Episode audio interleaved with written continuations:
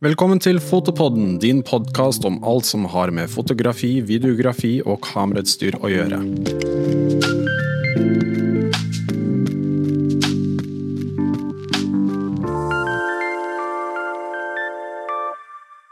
Velkommen til uh, ukens episode av Fotopodden. I dag skal vi snakke om lagring. Og jeg har skrevet en liten intro her som jeg vil uh, at dere skal høre på. Alle som er avhengig av PC-er til jobben sin, har nok opplevd en harddisk som krasjer, eller at man mister alt materialet sitt. Det har i hvert fall jeg opplevd flere ganger. Det er aldri noe gøy. Og som mange andre er jeg også altfor dårlig til å ta backup.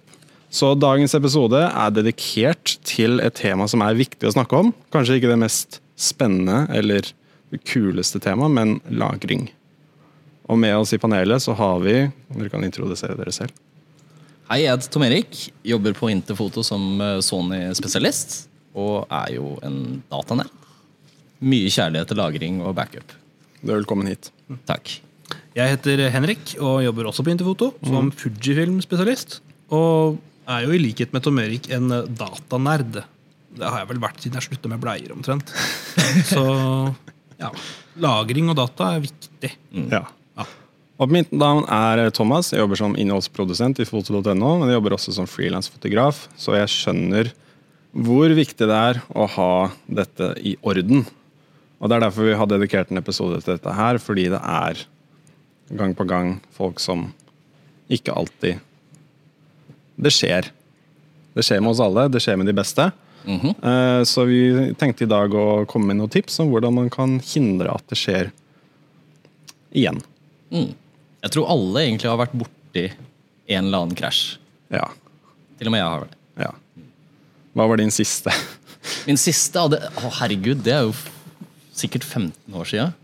Jeg mista en hel bildemappe, og det var, det var så surt. Eh, og det var egentlig da jeg begynte å faktisk ta backup. Jeg hadde jo peil på hvordan jeg skulle gjøre det før det, men jeg stolte jo liksom på utstyret mitt. Noe jeg ikke skulle ha gjort.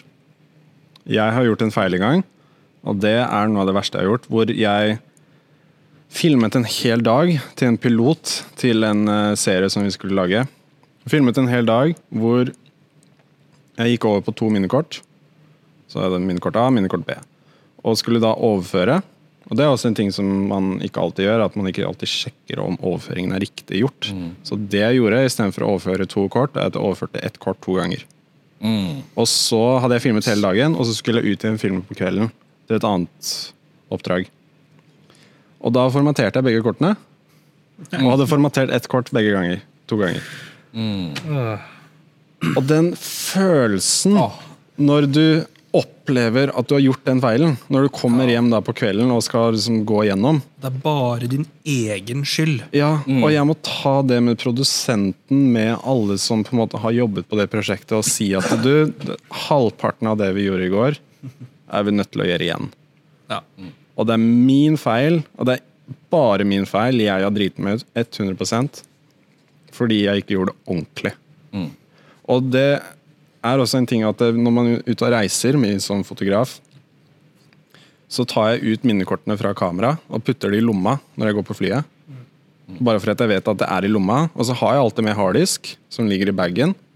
Men jeg, jeg tenker sånn worst case scenario hvis flyet krasjer. Eller vi må nødlande, eller noen sånne ting, så har du Du kan ikke ta med bagasjen din. Er hvis ikke du er i Russland, holdt jeg på å si. Det har vi nettopp sagt.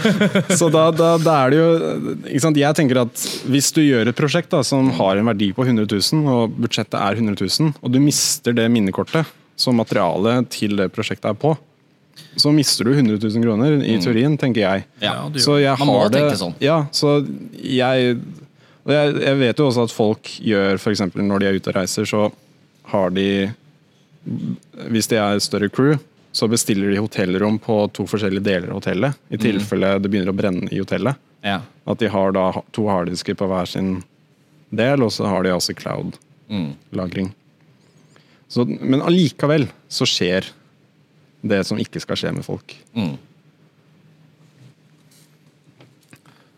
Så la oss snakke om hvordan vi kan forhindre dette her. Hvilke de beste systemene for lagring er, og hva er det man Det er i hvert fall én ting man ikke skal spare penger på, merker jeg. Kanskje vi skal ta en liten runde til på dette her med minnekort. Ja. Hvordan, altså Forskjellige strategier. Du har jo fortalt litt om, om når du drar på fly, så putter du det i lomma. Eh, har du noen strategi for å merke minnekorta som er brukt?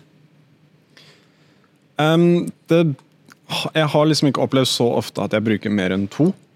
Så jeg vet på en måte at begge to er eh, brukt, og at jeg ikke skal gjøre noe med de før det er liksom overført helt. da. Ja. Og hvert fall Når du jobber i større produksjonsselskap, så er det veldig viktig. Jeg har også den prinsippsaken at jeg drar aldri hjem Jeg setter aldri på overføring, og så drar jeg hjem fra kontoret. Jeg sitter og venter til overføringen er ferdig, og jeg kan putte minnekortet tilbake i skapet sånn at det kan bli brukt igjen. Mm.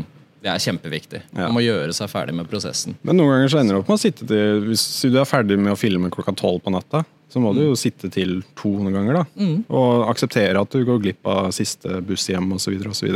Mm. Men det er bare som sagt den følelsen av å ikke ha det i orden, er så kjip. Ja, For rett og slett så har man jo egentlig ikke gjort ferdig jobben før det er sikkert overført. Nei. Så, og Bruker man mange minnekort, så kan man jo ha et par strategier med f.eks. to minnekortesker, hvor vi merker en med brukt, merker en med nye. Sånn at du har full oversikt. En annen ting som mange gjør, er at de flipper minnekortene. Ja. At eh, de viser liksom etiketten opp når de er for når de er klare til bruk, og at du putter dem inn i minnekortesken eh, andre veien. da. Den syns jeg er litt skummel. Ja, Ja, den er litt fordi skummel. er hvis eh, minnekortesken Jeg har en sånn Peli-case, minnekorteske, Ja. og hvis den har fått seg et lite dunk, så er det ofte at minnekortene har ramla ut av plassen sin der. Yes. Eh, og prøv å huske hvilket kort var hvilket. Og når du åpner den, så bare raser minnekortene ut. Ja. For de sitter jo ikke helt dønn fast. i Nei, der der, så- da er jeg mye mer fan av å bare duplisere det, og så Ja. merke det godt. Man kan jo gjøre sånn som for eksempel man gjør på, på et kjøkken på en restaurant. Så har du ren sone og uren Mm. Du kan du ha det også med minnekort hvis du har veldig mange. da. Så har du sånn eh, kan brukes-sone. Kan ikke brukes-sone. Men det er jo også sånn på store produksjonshus så er det jo utrolig mange folk som kommer inn. Det er ikke alle som vet prosedyren og sånne ting. Så jeg safer alltid med at jeg bare sitter og venter til jeg er ferdig overført. Noen ganger så åpner jeg til og med Premiere og sjekker at alt funker også. Og at liksom siste klipp jeg husker jeg filmet, er der. Og funker og er gjennom helt. For noen ganger så kan det bli noen korruptfiler og sånne ting. Mm. Så da kan jeg på en måte liksom gå hjem med god samvittighet da, og vite at det er ikke min feil, i hvert fall, hvis noe ikke Ja, det verste er jo hvis man begynner å formatere kortet flere ganger, sånn som du nevnte i stad. ikke sant? Fordi Ja. da blir det bare verre og verre å hente ut informasjonen. Ja. Har man bare slettet det én gang, så kan man via Rescue Software kanskje få ut mesteparten av det. Eh, Det er ofte eh, mye sånt funker. Så det er, det er jo, håpet er jo ikke ute selv om minnekortet blir slettet. Men, men eh, for all del, ikke gjør det. Nei. Nei, hvis, du, hvis du kjenner at Oi, shit, nå sletta jeg det minnekortet, eller formaterte minnekortet, så for all del ikke bruk det noe mer. Nei. for Nei. du har reddet ut Fordi hva skjer når du trykker på formater? Fordi det er jo ikke sånn at det blir overskrevet. Du bare, det, er, det er jo sånn at eh, Hvis jeg husker ikke noe, må gjerne rette på meg, jeg er ikke noen ekspert på dette, men man trykker på formater, og da bare sier du at dette kan overskrives.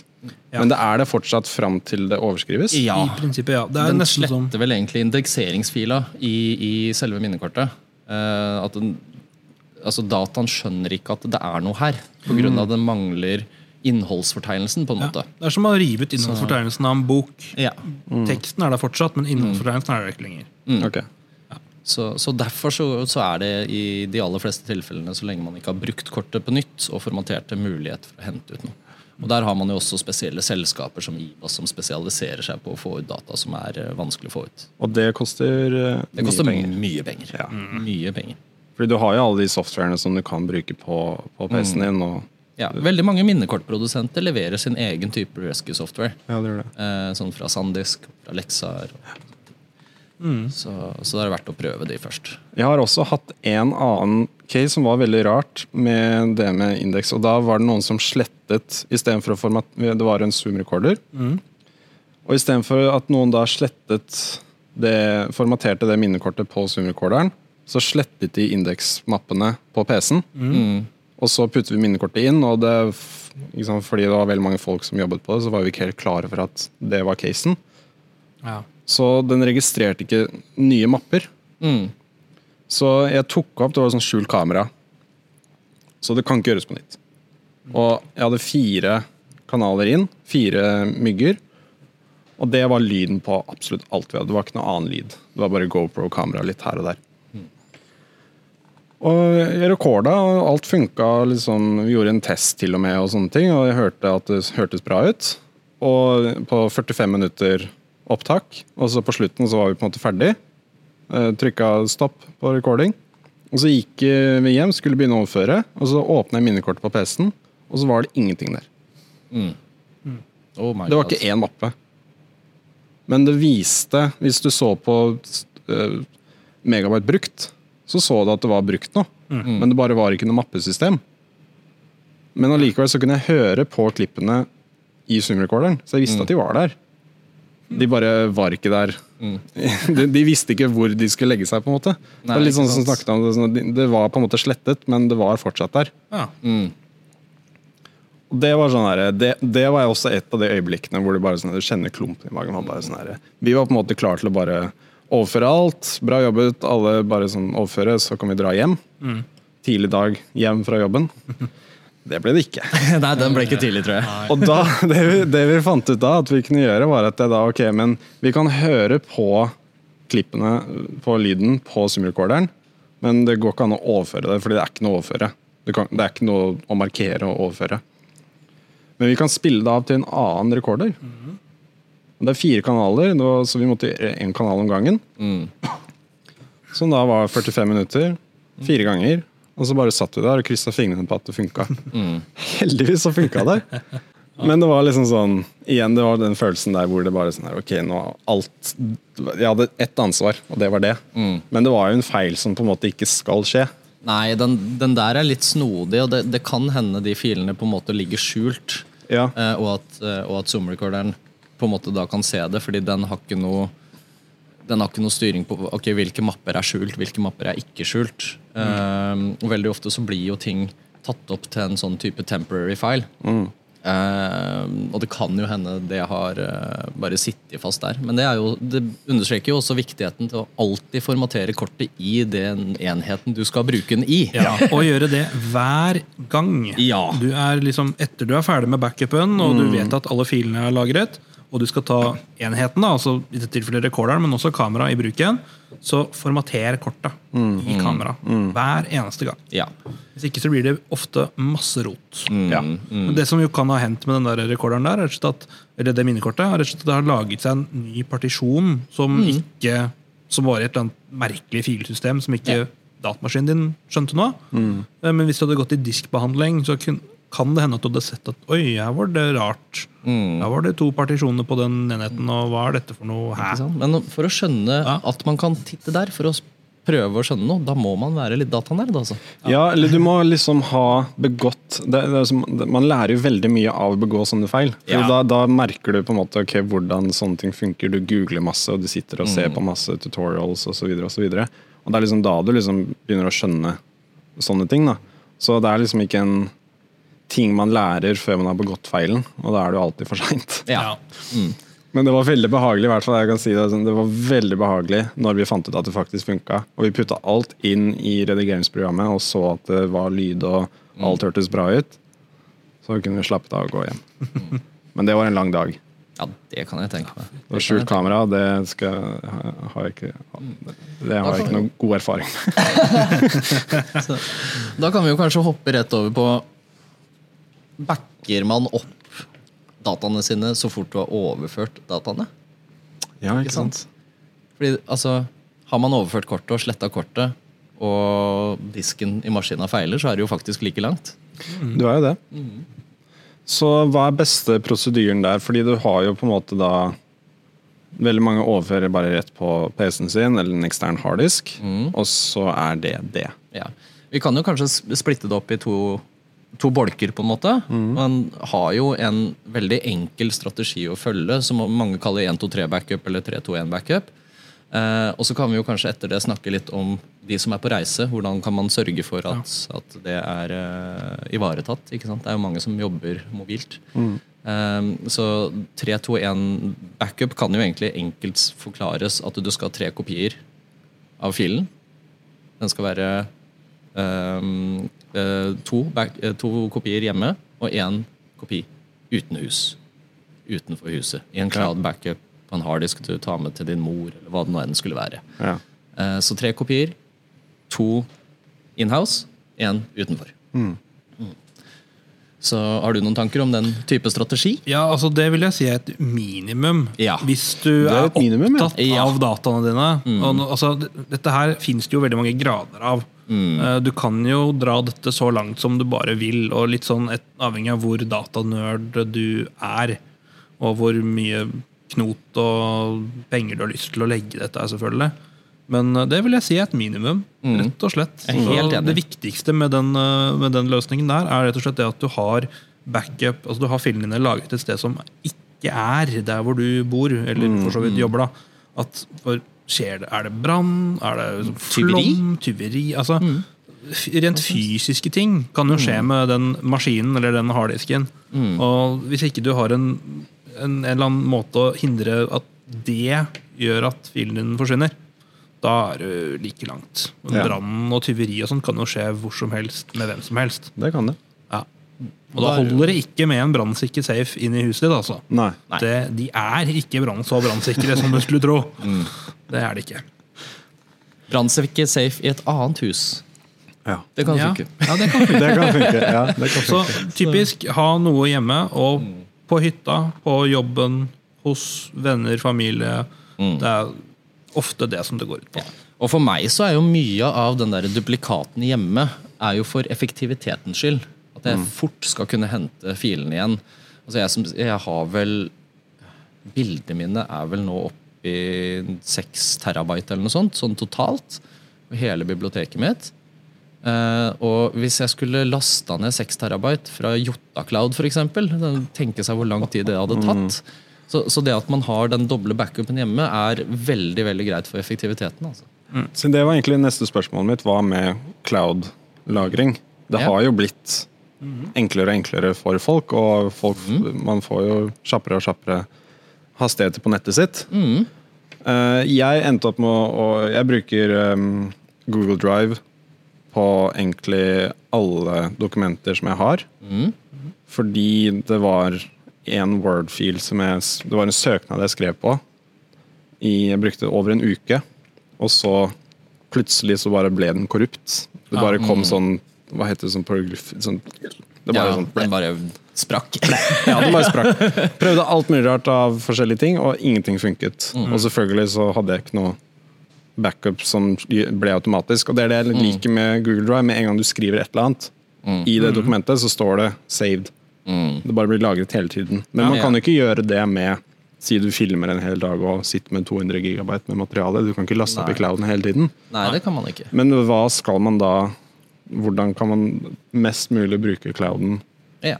For å hoppe tilbake litt, så, så ser jeg jo egentlig bare på clouden altså Den måten å bruke Google Drive på er jo veldig fin for dokumenthåndtering. og sånn, fordi Ja. eh, Der kan man også sørge for at filene er lagret lokalt på maskina. Sånn at hvis noen hacker kontoen din, eller et eller annet, så har du en mappe på maskina som heter Google Drive, hvor alle filene er synka til. Eh, for det er jo også et element der. Hacking av cloud-løsninger har jo skjedd. Det skjer. Eh, og eh, man kan jo egentlig ikke helt forhindre det. Nei. Eh, så, og det å investere i 6 terabyte i Google Drive, det er liksom litt mye.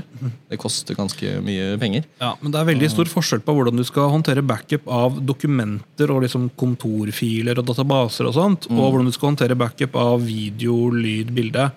For til dokumenter og sånne typer filer så vil du ha noe som kalles for snapshots. Det vil si at du har versjoner som hele tiden blir lagret. Ja. Så hvis jeg faktisk Oi, jeg jobber med det dokumentet, og så sletta jeg en setning eller en side eller noe på et dokument i går, så ligger fortsatt den forrige versjonen lagret et sted. Og det er noe som er veldig enkelt med dokumenter, fordi filstørrelsen er veldig liten. Mm.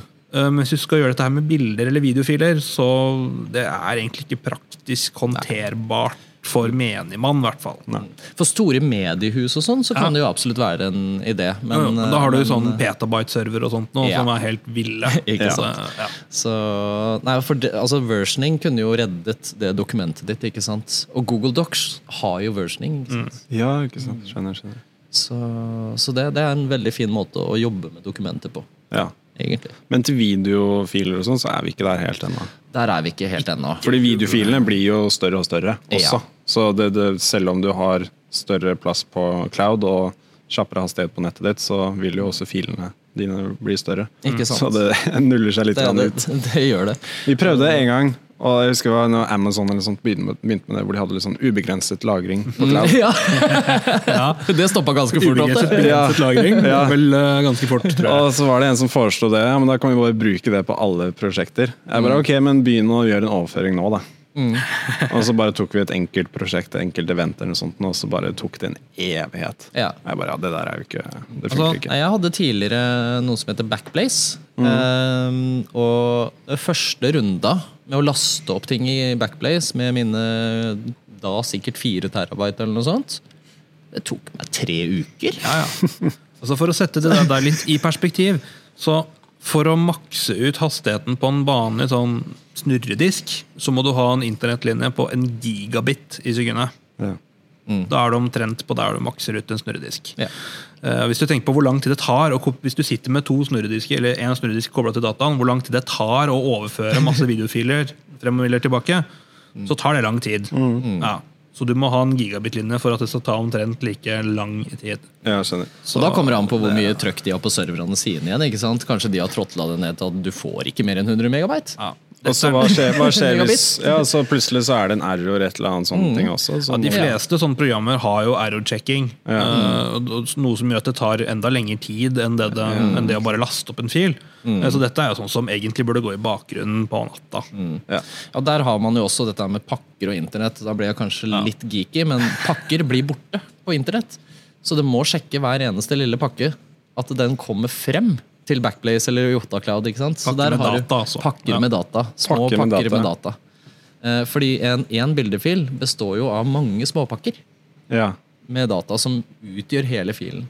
Og for hver lille sending man gjør over internett, så må mottakeren sjekke at var dette riktig størrelse, var dette riktig pakke, fikk jeg alle pakkene? så Ikke Derfor så tar den der opplastingsprosessen så utrolig lang tid, sammen med begrensningen på linjehastigheten. Ja. Er det en av grunnene til at opplastningshastighet på nett vanligvis er mindre enn nedlastning?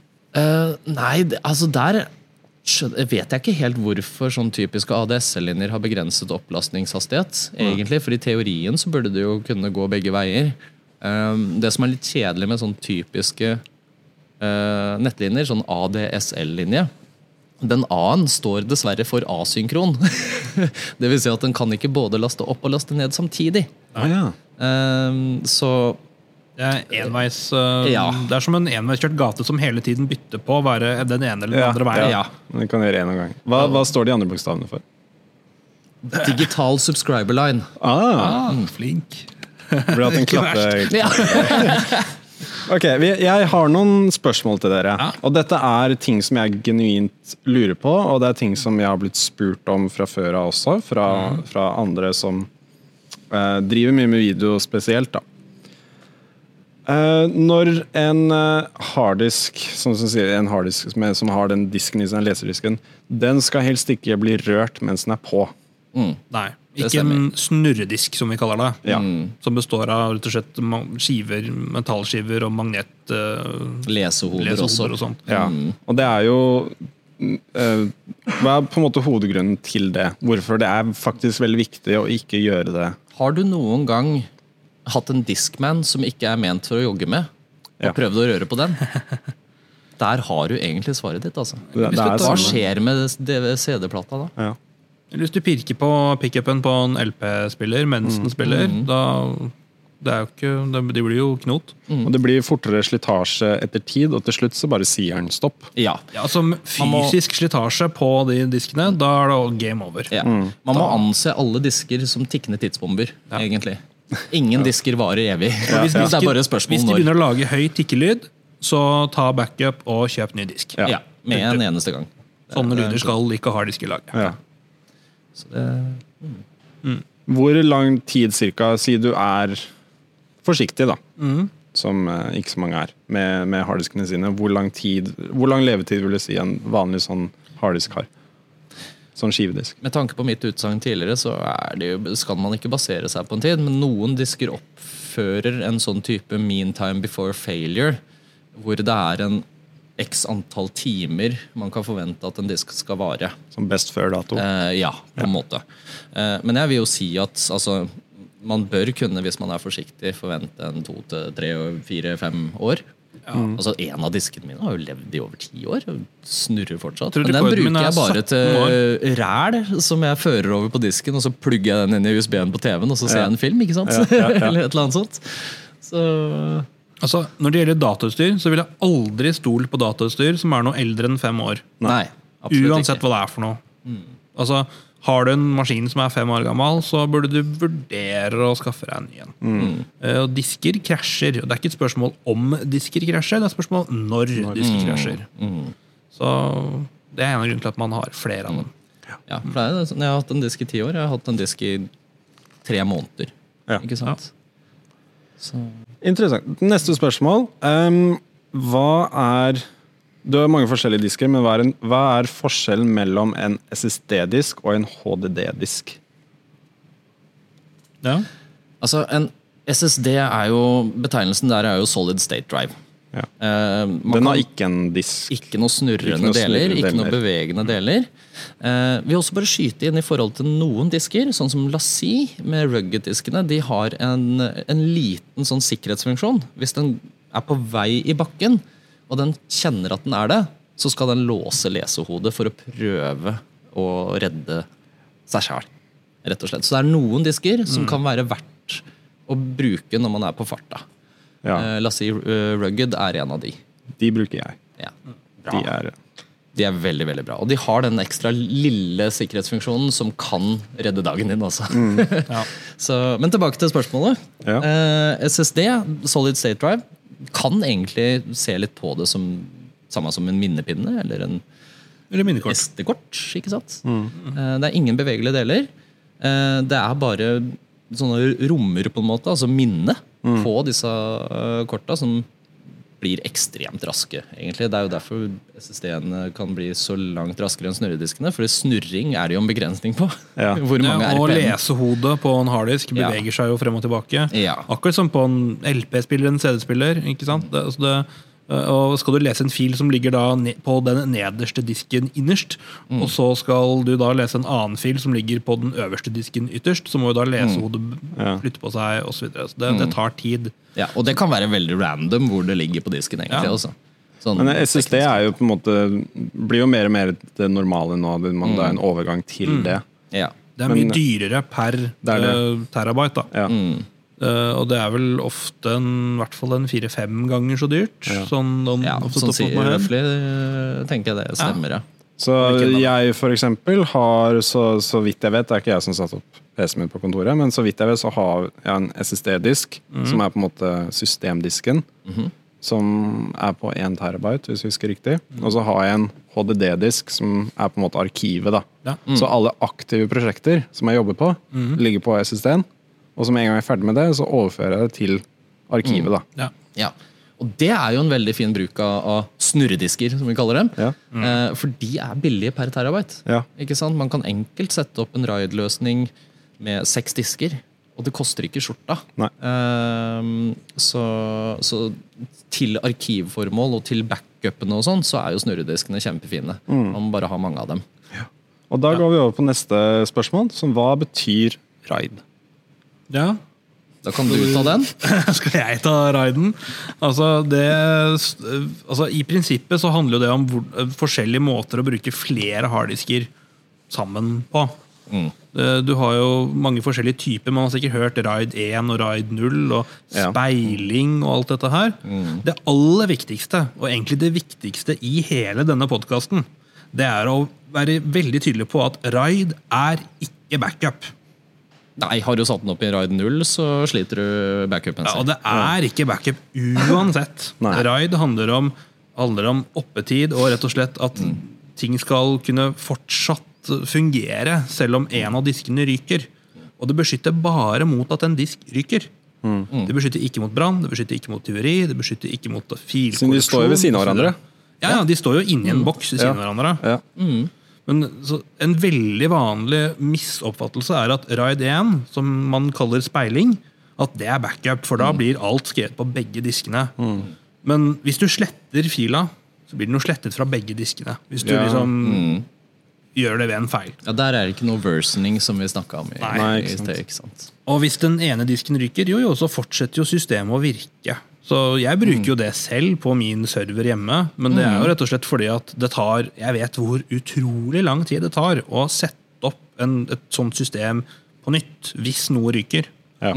Så Det hvis, går jo veldig automatisk. ja, hvis Eh, en av diskene ryker i en RAID 1-løsning med to disker som er speila, så kan du ta ut den disken som har ryket, putte i en ny tilsvarende disk, og så si til boksen ok, eh, nå må du replikere dette her. Og så står den og tygger. Det kan ofte ta to-tre dager. Ja. Men den gjør det automatisk. ja.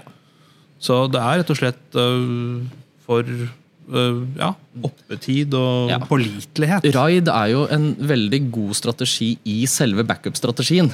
Ja, det er det. sant?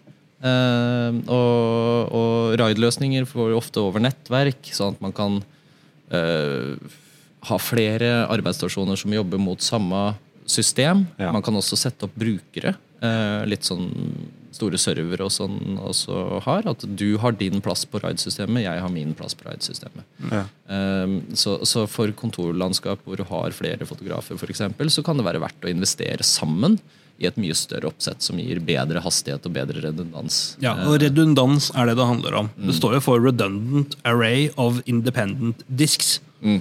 litt, da må jeg skrive det. Der kom den! Ja, ok, så det, Det, ja. det er en, en eh, redundant samling av altså individuelle disker. Eh, og så har man jo, for å bare ta en kjapp gjennomgang av de forskjellige nivåene, da, så er det RAID 0 som vi kan begynne på. Eh, hvis du har to disker på 1 terabyte hver, i RAID 0 så har du 2 terabyte med diskplass. Mm, De samarbeider. De samarbeider. Så hvis du, hvis du sender liksom et signal at ja, nå skal du skrive en fil, så er det den disken som er mest klar, som skriver den filen. Mm. Og noen ganger så kan det splittes. Ja. Problemet er at hvis én av de to diskene ryker, så forsvinner all dataen. Det er ikke noe redundans. Ja. Men Så så noen bruker jo RAID 0 som en Altså, Før i tida så var det mer aktuelt, fordi da kunne du bruke RAID 0 for å få en effektivt system. Ikke Ja, sant? for det er dobbelt så kjapt! Ja. Ja, så Hvis du for skal jobbe med tunge videofiler, og du trenger fakt altså, Du kan ikke ha liksom, 10 terabyte med SSD-er med på farta. Det blir knotete. Men én 1 terabyte snurredisk, en HDD, da, det blir veldig treigt. Ja. Så går det fint an å bruke en RAID 0-sak der. For da får du dobbelt så bra hastighet sånn ish, enn du får hvis du bare har én disk. Der får man også tak i portable disker som har RAID 1. Eh, Det er en sånn eh, la oss si dual, eller hva den heter. Den, mm. Der kan du sette den opp som enten RAID 0 eller RAID 1. Ja. Eh, Og det, det kan være en disk som, eh, som kan være hendig å bruke til sånne formål, men da må man for all del huske å speile den til noe annet også. hvis man Nei, bruker den som RAID 0. helst ha en separat backup et annet sted Yes. først, før du begynner å jobbe med den. Ja. Rett og slett. Eh, Og så er det to, tre og fire som egentlig ikke er noe aktuelle. Det brukes ikke i praksis. Nei. Ride 5, da må du ha minst tre disker. Ja. Da tåler du ett disk diskkrasj. Du tåler at en av diskene slutter å funke. Ikke bruk Ride 5, det er bare søppel. Eh, det du skal ha, hvis du skal ha mange disker, er Ride 6. eh, for da har du fire disker minimum, og da kan faktisk to av diskene krasje. Mm. Eh, Men da begynner det å bli skikkelig nølete. Det Ja. må vi gjøre Ja. med. Da må Men det er, masse av det er jo ting som selve uh, NAS-boksen da Ja, ja. setter opp sjøl. Du bare sier 'jeg vil bruke Raid 6'. Men hva er en NAS-boks, Tom Erik? Det er en network, uh, network uh, attached storage. Ja, ja, helt riktig. um, og uh, mange kjenner kanskje disse her, la oss si Too Big, eller noen av disse her du kobler til via Thunderbolt. Eh, det er jo en direct attached storage, altså DAS. Og da går vi over på neste spørsmål, faktisk. Du er flink på Segwayen her. Jeg har eh, begynt å irritere meg litt over hvorfor det er så mange forskjellige USB-tilkoblinger, Thunderbolt-tilkoblinger osv. osv. Hvorfor trenger det å være så mange forskjellige, og hvorfor kan det ikke bare være ett system på alt? Så nå har du USB-C, som er liksom det nye introduserte. Da, at liksom alle må ha en USB-C-kabel, og så har du USB-C til USB3. Og så har du alle de donglesene som alle har på Mac-ene sine nå. Og det er liksom bare sånn Det blir mye etter hvert, da. Et hav donglegate. Ja. Jeg håper jo om fem år så tror jeg alt er USB-C. Ja, jeg føler at, at alt som skjer nå, er egentlig bare en kamp om standarder. ja. Eh, Men det skjer litt ofte, gjør det ikke det? Jo, I det siste så Utviklinga har jo skjedd veldig fort i det siste også. ikke sant? Um, så jeg kan tenke at det er noe av grunnen for at vi liksom så hyppig ser forandringer i Så hva er poenget da til å gå til USB-C istedenfor USB3? da? Altså, Én ting er jo selve pluggen. Som jo, altså USB-C er jo en plugg, for så vidt, som jo du kan snu begge veier. Så du slipper den der gamle USB-tingen, hvor du putter den inn, og den passer ikke. Og så putter, Ja. snur du den, putter den inn igjen, så passer den fortsatt ikke. og så gjør du det et ja, det, tre det er liksom tredje forsøket. Det. Men en ting er pluggen, en annen ting er teknologien. Eller liksom protokollen som kjører i bånn. Pluggen heter jo ikke USB3, for eksempel. Den heter USB type A. Og det blir veldig nølete, altså. Men ja, altså, grunnen til at USB-C tror i hvert fall jeg da, er fremtiden, det er det at du kan kjøre strøm. Du kan kjøre høyspenn, altså du kan lade en bærbar maskin. Mm. Du kan kjøre høykvalitetsvideo. Mm. Du har ikke plass til og muligheten til å kjøre alt det du trenger av data på forskjellige måter. da. Ja, og så får du vel Du får vel en større bolk med data gjennom Ja. de portene og de standardene som er i USB-C. Mm. Så er det Apple som driver og knoter med Thunderbolt og sånne andre typer standarder. Ja. Ja. Ja, det, Det er jo der er det, ikke- dukker opp masse misforståelser. Det jeg ikke likte, og dette har jeg lagd en video på faktisk, på, på YouTube-kanalen min, bare da, men da hvorfor jeg gikk fra Mac til PC. Og Hovedgrunnen var pga. de donglesene og ja. Macbook Pro-en som bare hadde USB-C. ja. Og det irriterte meg, og folk sa sånn ja, du må venne deg til det, du må vente litt til det på en måte liksom kommer, eh, bla, bla, bla. Men at du liksom ikke hadde en minnekortleser rett inn i PC-en osv. Mm. Det, var liksom, det er veldig frustrerende for videografer og fotografer. Og så må du oh, ja. ha Og vi var også Jeg, jeg jobbet også på en server, Mm. så jeg var avhengig av å ha en internettkabel kobla til Mm. PC-en. ja. Og da måtte jeg ha en dongle for å koble den til. og så hvis du da rørte litt Og det var ikke alle donglene som var like eh, Som du kunne stole på like mye. Ah, nei. så hvis du rørte litt på Mac-en, så datt USB-C-kabelen litt grann ut. ja. Og så var bare alt offline. Og det er jo kjempeskummelt for harddisker og sånn, fordi er den midt i en skriveprosess, så kan du jo korruptere Wow, ja. hele, hele driten, for å si det sånn. En dongle er jo i prinsippet en, en ekstra feilkilde, eller to. Fordi at du har én plugg inn i maskinen, og så har du pluggen videre. Så du har to, to, eller egentlig tre, kanskje enda flere. Men altså, du introduserer flere feilkilder i et system. Ja, ja. Det er ærlig talt helt idiotisk. Det er det. Ja. Og se for deg en person som sitter med en Hasselblad som fortsatt skyter Firewire, og har kjøpt seg en ny Mac. Da må du først ha Thunderbolt 3, altså USB-C til Thunderbolt 2-dongle. Og så må du ha en USB, nei, og så må du ha en Thunderbolt 2 til Firewire-dongle. Og hvis tilfeldigvis det kameraet hadde den, den der litt breie pluggen, Nei, nei, nei. så må du ha en overgang til det òg!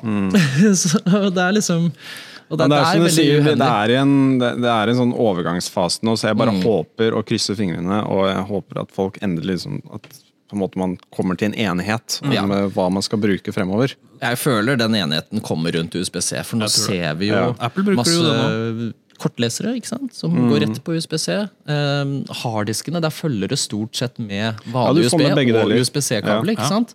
Så, så vi begynner jo å se at det standardiserer seg litt. Grann. Men sånn, sånn for vanlige eksterne harddisker sin skyld, så er det jo ikke noe vits i for forbrukeren egentlig å oh, det står Thunderbolt, Oh, det står 10 gigabyte i sekundet. Det har jo ingenting med hastigheten på harddisken å gjøre i praksis. Eh, snurredisker er treige, uansett hva det står, hva slags kabel de bruker. altså. Men det er morsomt å skryte av standarden som du plugger den inn i. vet du. Jo, men så tror man at å, det står 10 gigabit på pakka, så denne disken her er jo lynkjapp. Og så er det jo egentlig 120-130 megabyte i sekundet, kanskje, Ja. som en god snurredisk klarer. Ja. Ikke noe mer. False advertising. Oh yes. Ja, Kan, eh, man kan nesten sleip, på, hvert på, Det er sleipt sleip, Ja. og snikete. Ja, Ja. det er det. SSD-er kan jo komme opp i den hastigheten. Altså Hvis de slenger ut en Thunderbolt SSD-harddisk ekstern. Nei, det er jo ikke morsomt å Nei, det er du En ikke. En SATA. SSD er jo 500 megabyte i sekundet ish. Litt raskere, kanskje. Thunderbolt 3. Jo, men selve disken er jo ikke noe kjappere uansett. Nei. Nei. Dette er jo et tema vi kan snakke om veldig lenge om. Men nå, nå har vi snakket om det i tre kvarter. Oi. Oi. Så vi skal uh, over på en eh, spalte som vi prøver å ha fast, som er ukens anbefaling.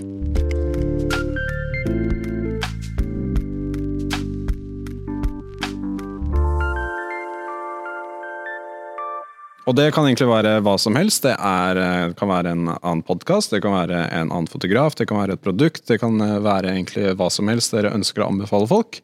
Vi har hatt folk som har anbefalt å gå offline i 20 minutter hver dag og sitte og tenke. Ja. Så det kan være hva som helst.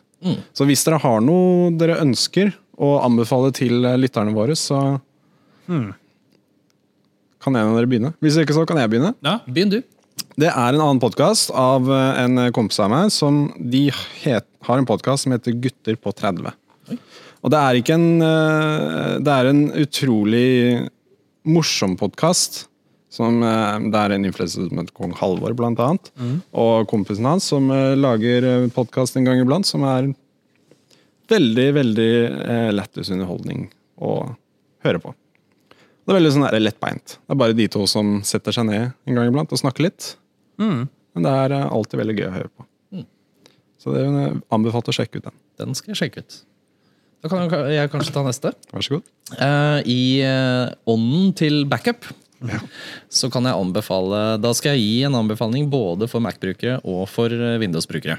Eh, For det er jo dette her med automatisk backup som du så vidt var inne på i stad. Jeg liker ikke tanken på automatikk, men at den skal sjekke alt sammen.